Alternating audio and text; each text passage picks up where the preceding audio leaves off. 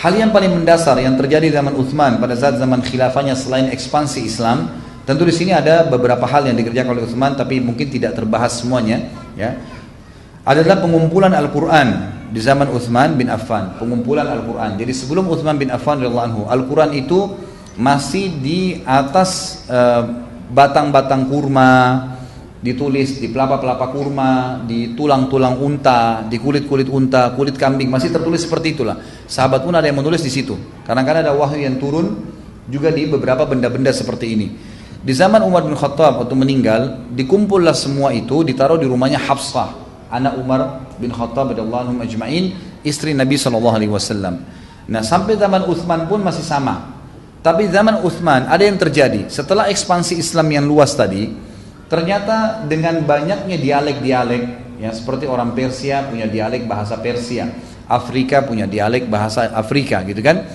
Dan perlu kita tahu juga beberapa teman-teman sejarawan Indonesia sempat mengangkat di zaman Uthman bin Affan ini Islam sudah sampai ke Aceh. Islam sudah sampai ke Aceh dan itu ada sejarahnya. Bagaimana ada utusan Uthman bin Affan dari tabi'in yang datang dan kalau tidak salah ada beberapa yang punya kuburan di Aceh. Saya pernah melihat beberapa gambar fotonya, itu memang ada faktanya dan itu dalam sejarah Islam Indonesia ada, sejarah Islam Indonesia.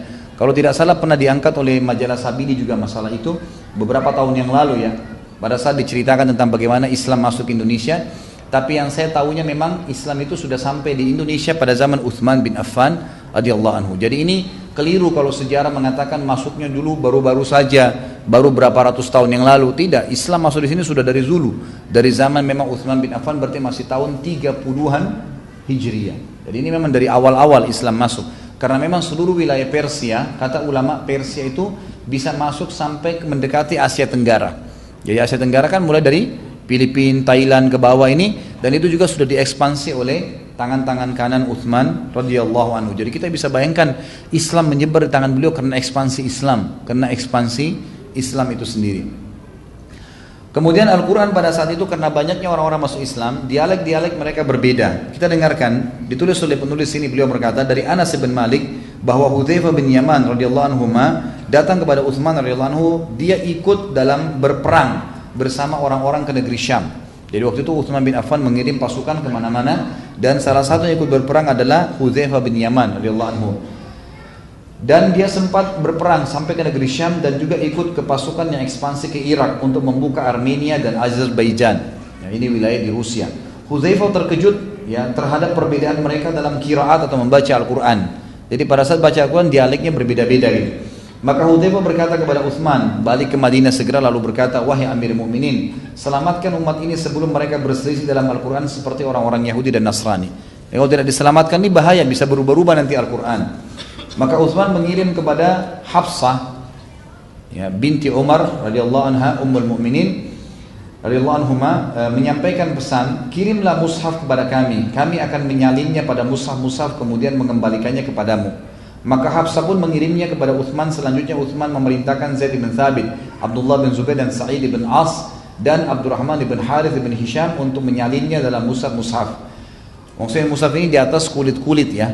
Jadi zaman dulu itu dikatakan mushaf kulit-kulit unta atau e, kambing yang dikeringkan baru dijadikan seperti buku kayak kita sekarang. Tentu kalau teman-teman Allah mudahkan satu waktu pergi ke Turki, Ya, biasanya kalau kita umroh plus Turki itu ada Turki biasanya kita akan mampir di museum. Di museum itu ada Qurannya Uthman yang dulu, yang pertama disusun dari kulit unta pada saat itu yang dikeringkan lalu di uh, clipping kayak kita sekarang ya. Itu cukup besar Qurannya pada saat itu. Intinya Uthman bin Affan radhiyallahu anhu mengumpulkan sahabat-sahabat yang dari asli orang Quraisy dan sangat faham bahasa Arab yang bernama Zaid bin Thabit, Abdullah bin Zubair, Sa'id bin As dan Abdurrahman bin Harith bin Hisham. Untuk menyalinya dalam Musa-Musab dan Uthman berkata kepada sahabat-sahabat tersebut ya uh, jika kalian berbeda dengan Sa'id bin Thabit ya kalau kalian berbeda pendapat dalam bacaan tentang sesuatu dari Al-Quran maka tulislah dalam bahasa Quraisy karena ia turun dengan bahasa mereka. Maka mereka pun melakukan seperti yang diperintahkan setelah penyalinan Uthman memulangkan Uthman memulangkan mushaf kepada Hafsah dan dia mengirimkan satu mushaf dari apa yang mereka salin ke setiap wilayah. Uthman juga memerintahkan agar mushaf yang lain dibakar. Jadi maksudnya semua yang misal ada ditemukan di wilayah Irak, ternyata ada di sana mushaf yang sudah ditulis sebelumnya, gitu kan? Nah ini biasanya memunculkan perbedaan bacaan, perbedaan bacaan dan dialek. Maka Uthman bin Affan setelah ngumpulin sahabat-sahabat yang mulia ini, mereka lah yang menyusun dalam bahasa Quraisy. Yang kita sekarang baca ini bahasa Quraisy, makanya dikenal dengan Mushaf Uthmani, gitu kan? Maka itu disusun dalam bahasa orang-orang Quraisy. Setelah itu Uthman bin Affan menulis ya beberapa bab banyak gitu kan lalu disebarkan di sebuah wilayah Islam. Wilayah ini dikasih, wilayah ini dikasih satu-satu. Yang lain semua dikumpulkan lalu dibakar oleh Uthman yang akhirnya membuat fitnah bagi kaum muslimin. Itu yang terjadi. Uthman bin Affan juga di sini disisipkan sedikit dari masalah uh, kenapa pada saat itu berhasil mengekspansi Islam.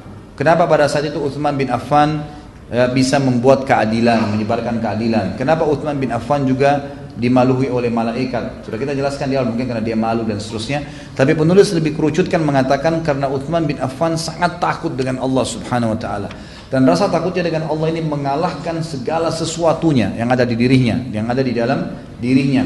Sampai-sampai Uthman setiap kali berdiri di sisi kuburan, pasti beliau menangis sampai seluruh jenggotnya basah. Uthman ditanya tentang hal tersebut, engkau teringat tentang surga dan neraka, engkau tidak menangis. Surga neraka lewat, iya tidak menangis karena sering membaca ayat. Tapi setiap kali melewati kuburan pasti engkau menangis. Dalam riwayatnya dikatakan beliau pernah baca tentang ayat kuburan lalu pingsan, gitu kan? Digebyur dengan air oleh para sahabat, bangun. Kata mereka, engkau siapa engkau hai Utsman? Ada apa kau sampai pingsan baca ayat tentang kuburan? Bukankah Rasulullah SAW sudah menjamin bagimu surga, gitu kan? Untuk apa kamu takut lagi kuburan? Nah kuburan itu cuma pintu untuk ke sana. Apa kata Uthman? Benar yang kalian ucapkan. Nabi SAW sudah menjamin bagiku surga. Tapi Nabi SAW tidak menjamin bagiku kuburan. Bisa saja aku disiksa dulu di kuburan baru masuk surga. Siapa ada siapa yang bisa menjamin? Bayangkan ya sampai seperti, seperti itu pekah keimanan Uthman bin Affan. Dan beliau berkata, Al-qabru awwalu manzilin min manazil al-akhirah fa in naja minhu fama ba'dahu aisar wa in lam yanju fama ba'dahu ashad kubur adalah tempat. Ketahuilah teman-temanku kata Utsman bin Affan kubur adalah tempat persinggahan pertama dari tempat-tempat persinggahan akhirat. Jika seseorang selamat darinya maka yang setelahnya lebih mudah maksudnya di akhirat nanti. Dan jika dia tidak selamat darinya maka setelahnya akan lebih berat daripada itu. Dan beliau selalu mengingatkan orang-orang yang ada di sekitarnya tentang kuburan. Sebab dinukil oleh Imam Tirmidzi nomor hadis 2303, Ibnu Majah 4267 dan Syekh Albani juga mensahihkannya dalam Sahih Ibnu Majah dalam 3461 nomor hadisnya. Uthman berkata dan aku telah mendengar Rasulullah SAW bersabda, "Ma ra'aitu mandaran qattun illa wal qabru afdha'u afdha'u minhu." Aku tidak melihat satu pemandangan pun yang paling menakutkan selain kuburan. Dari Abdullah bin Rumi rahimahullah tabi'in berkata telah sampai kepada aku bahwasanya Utsman bin Affan berkata seandainya aku ada di antara surga dan neraka tanpa tahu ke mana aku diperintahkan ke surga atau ke neraka niscaya aku memilih untuk menjadi debu saja menjadi abu sebelum aku mengetahui ke mana aku akan berjalan jadi ini semua tidak lahir kecuali dari takutnya kepada Allah subhanahu wa ta'ala. Jadi tidak takut kecuali kepada Allah. Beliau ekspansi, beliau menyebarkan Islam, beliau bersedekah. Semua itu karena hanya takut kepada Allah subhanahu wa ta'ala. Dan yakin dengan janji Allah subhanahu wa ta'ala. Uthman bin Affan juga terkenal dengan keadilannya. Uthman bin Affan juga menegakkan hudud, hukum-hukum Allah walaupun dengan kerabatnya. Jadi beliau tidak pandang bulu. Disebutkan dalam riwayat bahwasanya Uthman bin Affan pernah ada satu uh, budaknya, pegak, budak yang membantu di rumah gitu kan, anak kecil melakukan satu pelanggaran lalu sama Utsman dijewer kupingnya. Kata Utsman, kenapa kau lakukan itu? Ada perbuatan yang cukup ya tidak nyaman gitu dilakukan oleh anak ini, tapi tidak disebutkan dalam riwayat. Maka waktu itu Utsman anak itu mengatakan aduh ya seperti kesakitan gitu. Lalu Utsman menarik tangannya lalu duduk dan berkata wahai ya wahai pelayanku ya dalam arti terima gitu wahai pelayanku jewer kupingku juga. Waktu itu jadi khalifah. Kata pelayannya, nggak mungkin Amir Mu'minin. Dia bilang, demi Allah kau harus menjewer kupingku. Karena hisab di sini lebih mudah daripada hisab di sana. Jadi bagaimana seorang mukmin bisa melakukan kesalahan, tapi pada saat yang bersamaan segera taubat, tidak menundahnya. Ini sebuah pelajaran juga. Maka Utsman bin Affan mengatakan jewerlah. Budak itu lain itu kena takut, maka dipegang kupingnya Utsman. Lalu Utsman mengatakan lebih keras lagi, lebih keras lagi sampai akhirnya dia Utsman merasakan sakit dan Utsman juga mengatakan aduh, barulah dilepaskan oleh pelayan tersebut. Bagaimana sosok Utsman bin Affan? Manusia bisa berbuat salah, tapi dia memberikan contoh kepada kita, tidak malu, tidak aib pada saat kita menarik ya atau meminta maaf dari kesalahan kita dan segera menyelesaikan pada saat itu. Yang jadi masalah buat sebagian orang adalah mereka sengaja menunda-nunda untuk ya memperbaiki kesalahan yang ada. Utsman bin Affan juga pernah menghukum adik kandungnya sendiri. Adik dari ibunya ya, beda ayah yang bernama Al-Walid bin Uqbah. Al-Walid bin Uqbah ini saudara seibunya Utsman bin Affan. Al-Hafidz Ibnu Hajar menyebutkan dalam Fathul Bari bahwasanya Utsman ini menegakkan hukum had kepada siapa pun Ternyata setelah Uthman bin Affan mendapatkan berita kalau adiknya ini terdapat ya pernah satu waktu meminum khamr, meminum khamr. Lalu datangkanlah saksi, datangkanlah saksi pada saat itu. Padahal sebenarnya Al-Walid ini adalah orang yang saleh, orang yang baik. Tapi satu waktu dia lalai, gitu kan? Maka dia pun minum khamr. Diberikanlah kesaksian. Ada orang yang memberikan saksi mengatakan, eh, saya melihat Al-Walid itu muntah. Kemudian yang satu lagi mengatakan saya melihat Al-Walid meminum khamr, gitu kan? Jadi ada saksi yang pertama bernama Humran memberikan kesaksian tersebut dan ada laki-laki yang lain mengatakan Al-Walid muntah. Maka Uthman berkata seketika pada saat itu dia tidak muntah sampai eh, kecuali karena dia meminumnya. Lalu kata uh, Uthman bin Affan kepada Ali, wahai Ali berdirilah dan cambuklah dia dan cambuklah dia. Maka akhirnya dia pun Ali Ali pun menyuruh pada saat itu karena Ali adalah tangan kanannya Utsman, Ali berkata kepada Abdullah bin Ja'far, beri dan cambuklah dia. Maka dicambuklah Al-Walid yang merupakan tadi pada, pada saat itu adalah adiknya khalifah, adiknya Utsman bin Affan dan dicambuk sampai 40 kali. Lalu kata Utsman, berhenti. Sesungguhnya Nabi SAW telah mencambuk pemabuk 40 kali dan Abu Bakar mencambuk 40 kali dan Umar mencambuknya sampai 80 kali. Maka aku lebih lebih lebih suka dengan 40 kali sebagaimana Nabi SAW dan Abu Bakar mengerjakannya. Tentu Umar bin Khattab menambah 80 waktu itu karena Umar melihat dengan istihad beliau sebagai pemimpin khamr makin merajalela gitu kan? Maka beliau dobelkan hukumannya. Dan beliau adalah salah satu dari khulafa Rashidin bukan semua orang bisa melakukan ini. Karena Nabi SAW mengatakan dalam hadis irbat yang masyhur alaikum bisunnati wa sunnatul khulafa rasyidin min ba'di addu 'alaiha bin nawajid al hadis jadi dikatakan berpeganglah pada sunnahku dan sunnah khulafa rasyidin setelahku. Abu Bakar, Umar, Uthman dan Ali Umar termasuk salah satunya. Berpegang teguhlah pada keduanya sunnahku dan sunnah khulafa rasyidin walaupun dengan gigi geraham kalian. Dalam riwayat sahih dikatakan bahwasanya semuanya itu termasuk bagian daripada sunnah. Orang-orang mukmin membela Uthman kata beliau di sini Sungguh sangat heran banyak sekali orang yang mengatakan Uthman itu begini dan begitu. Karena kita lihat nanti salah satu penyebab Uthman dibunuh oleh kaum Khawarij karena banyaknya isu bohong. Isu-isu yang bohong dan nanti kita akan lihat ada mungkin 7 atau 8 isu yang akan dibantah oleh penulis dalam masalah ini. Intinya adalah beliau mengatakan, saya heran melihat ada orang yang mencela Uthman bin Affan setelah kemurahan hatinya, eh, keringanan tangannya, kasih sayangnya, keadilannya, dan kesolehannya kepada Allah SWT dan jaminan masuk surga.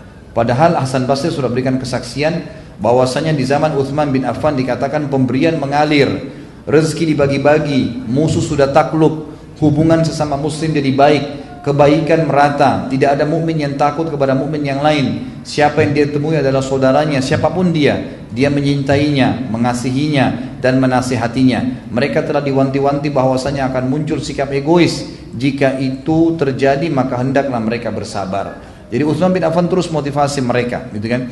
Lalu kata Hasan Basri, saya tidak melihat pada saat kaum Khawarij itu datang kemudian membunuh Utsman bin Affan kecuali pedang akan terhunus sampai hari kiamat. Padahal sebelumnya telah dilarang oleh Nabi sallallahu alaihi wasallam. Kemudian Urwah bin Zubair berkata rahimah radhiyallahu seorang sahabat Nabi berkata, aku mendapati zaman Uthman bin Affan, aku sempat hidup sampai Uthman menjadi khalifah. Tidak ada jiwa yang muslim kecuali dia mempunyai hak yang sama pada harta Allah. Semuanya dengan keadilan. Jadi ini kesaksian kok aneh ada orang yang berusaha untuk membunuh Uthman bin Affan. Ibnu Umar juga berkata, sungguh ada beberapa perilaku Uthman nih, seperti nanti kita akan sebutkan syubhat-syubhatnya. Uthman bin Affan eh, apa namanya eh, menunjuk beberapa orang ya menjadi eh, gubernurnya seperti Muawiyah misalnya dan ada yang lainnya akan kita sebutkan syubhatnya maka ada beberapa sahabat pun dan tabiin. Ada tabiin dari kalangan eh, dari kalangan khawarij. Dari sahabat ini orang-orang yang terakhir-terakhir masuk Islam yang belum faham agama Islam secara mutlak. Tapi karena ketemu Nabi jadi sahabat. Mereka bergabung dengan orang-orang khawarij ini. Lalu Ibnu Umar berkata pada saat mereka nyalah-nyalakan Utsman. Utsman begini Utsman begitu. Harus turun dari khilafah. Nggak boleh jadi khalifah lagi. Mau diganti dengan yang lainnya. Ibnu Umar berkata sungguh kalian telah menyalahkan Utsman dalam beberapa perkara seandainya melakukannya adalah Umar niscaya kalian tidak akan berani menyalahkannya kalau Umar nih pasti kalian tidak berani karena Umar bin Khattab nggak main-main salah kafir ditebas lehernya gitu kan tapi Utsman bin Affan tidak, masih dimaafin, dikeluarin dari Madinah, kan gitu. Jadi seperti itu. Al Hasan Basri berkata, Amir Mukminin Utsman bin Affan bekerja selama 12 tahun jadi khalifah. Orang-orang yang tidak mengingkari, orang-orang yang tidak mengingkari sedikit pun tidak ada orang-orang yang mengingkari sedikit pun kepemimpinannya. Sampai akhirnya datang orang-orang fasik itu, orang-orang khawarij. Demi Allah, mereka mulai menghasut penduduk Madinah untuk memusuhinya. Sebagaimana dinukil dalam banyak riwayat, sanadnya Hasan riwayat oleh Ibnu, Ibnu Asakir dan At-Tabarani tentang kisah ini. Di antara bukti kasih sayang Utsman bin Affan kepada rakyatnya yang sangat jelas adalah yang diriwayatkan oleh Musa bin Talha rahimahullah seorang ulama tabi'in dia berkata, aku mendengarkan Utsman bin Affan yang berada di atas mimbar sementara muadzin mengumandangkan iqamah ya untuk Jumatnya. Jadi waktu turun dari mimbar Utsman bin Affan waktu turun biasanya muadzinnya tunggu dulu. Ya ini sunnah begitu ya. Jadi ditunggu dulu pada saat sudah berdiri di depan tempat sholat baru muadzinnya iqamah. Ini yang kadang-kadang kita tinggalkan di masjid-masjid. Masih di atas khatibnya di atas mimbar, maka sudah tidak dapat tempat nantinya. Ya, saya pernah khutbah subhanallah di salah satu masjid di Bekasi, itu kan. Saya pas mimbarnya tinggi, sudah iqamah, saya pas tutup dengan salam, saya turun, itu iqamah, saya turun tidak dapat tempat, gitu kan. Tidak khatibnya nggak kasih tempat, mestinya ada tempat. Jadi imam paling tidak atau di tempat di depan gitu kan. Ini nggak boleh, mesti ditunggu khatibnya turun sampai dalam sab baru dikomahkan sholat. Nah Utsman bin Affan waktu itu waktu turun, tunggu setelah beliau kasih isyarat baru muadzinnya iqamah. Nah sementara menunggu iqamah itu, kesaksian daripada Hasan Basri berkata yang hadir di masjid, saya melihat Utsman bin Affan masih bertanya, eh maaf, Musa bin Talha berkata, saya masih melihat Utsman bertanya kepada muslimin, ya saking adilnya, bagaimana hidup kalian, bagaimana kebutuhan kalian? Sambil nunggu iqamah tuh ya. Masih sempat menanyakan tentang kabar mereka. Ada yang perlu? Mana si fulan tidak hadir? Siapa yang meninggal hari ini? Sambil nunggu iqamah sejenak saja sempat bicara masalah itu dan dia dan dia mengatakan kalau ada yang punya masalah setelah sholat bisa bertemu dengan saya. Jadi di sini kesaksian para ulama tabiin dan antaranya Musa bin Talha rahimahullah bagaimana Utsman bin Affan luar biasa sangat peduli dengan kaum muslimin dan dia tahu itu adalah tanggung jawab pada hari kiamat.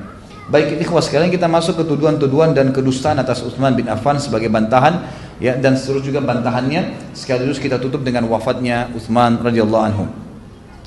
Pertama adalah orang-orang Khawarij menyebarkan berita bahwasanya Utsman bin Affan tidak menegakkan kisos atas Ubaidillah bin Umar yang telah membunuh Hurmuzan. Padahal kewajiban kisos dalam masalah tersebut sangat jelas. Jadi Hurmuzan ini itu uh, salah satu orang dari Persia yang merupakan pasukan perang, pimpinan perang. Ya pada saat dia tahu dia akan dibunuh, dia sempat syahadat, gitu kan? Tapi syahadatnya ini samar, ada yang dengar, ada yang enggak. Ya. Pada saat itu ada ada seseorang yang bernama Ubaidillah ibn Umar. Ya. Sebagian ulama mengatakannya adalah anaknya Umar bin Khattab. Mengambil pedang membunuh Hurmuzan. Nah tersebarlah isu, ya, gitu. Waktu itu Utsman bin Affan Eh, jadi khalifah dan akhirnya Utsman bin Affan tidak menghakimi karena masih samar. Benar nggak orang ini sudah masuk Islam? Tapi Utsman bin Affan akhirnya mengambil keputusan, anggap dia sudah muslim, agar Ubaidillah yang terkenal orang soleh ini tidak dihukum, caranya adalah membayar dia, membayar denda, kan gitu. Maka Utsman bin Affan mengambil dari hartanya pribadi, lalu kemudian memberikan kepada walinya Hurmuzan, gitu kan? diberikan kepada wali sebagai pembayaran terhadap Ubaidillah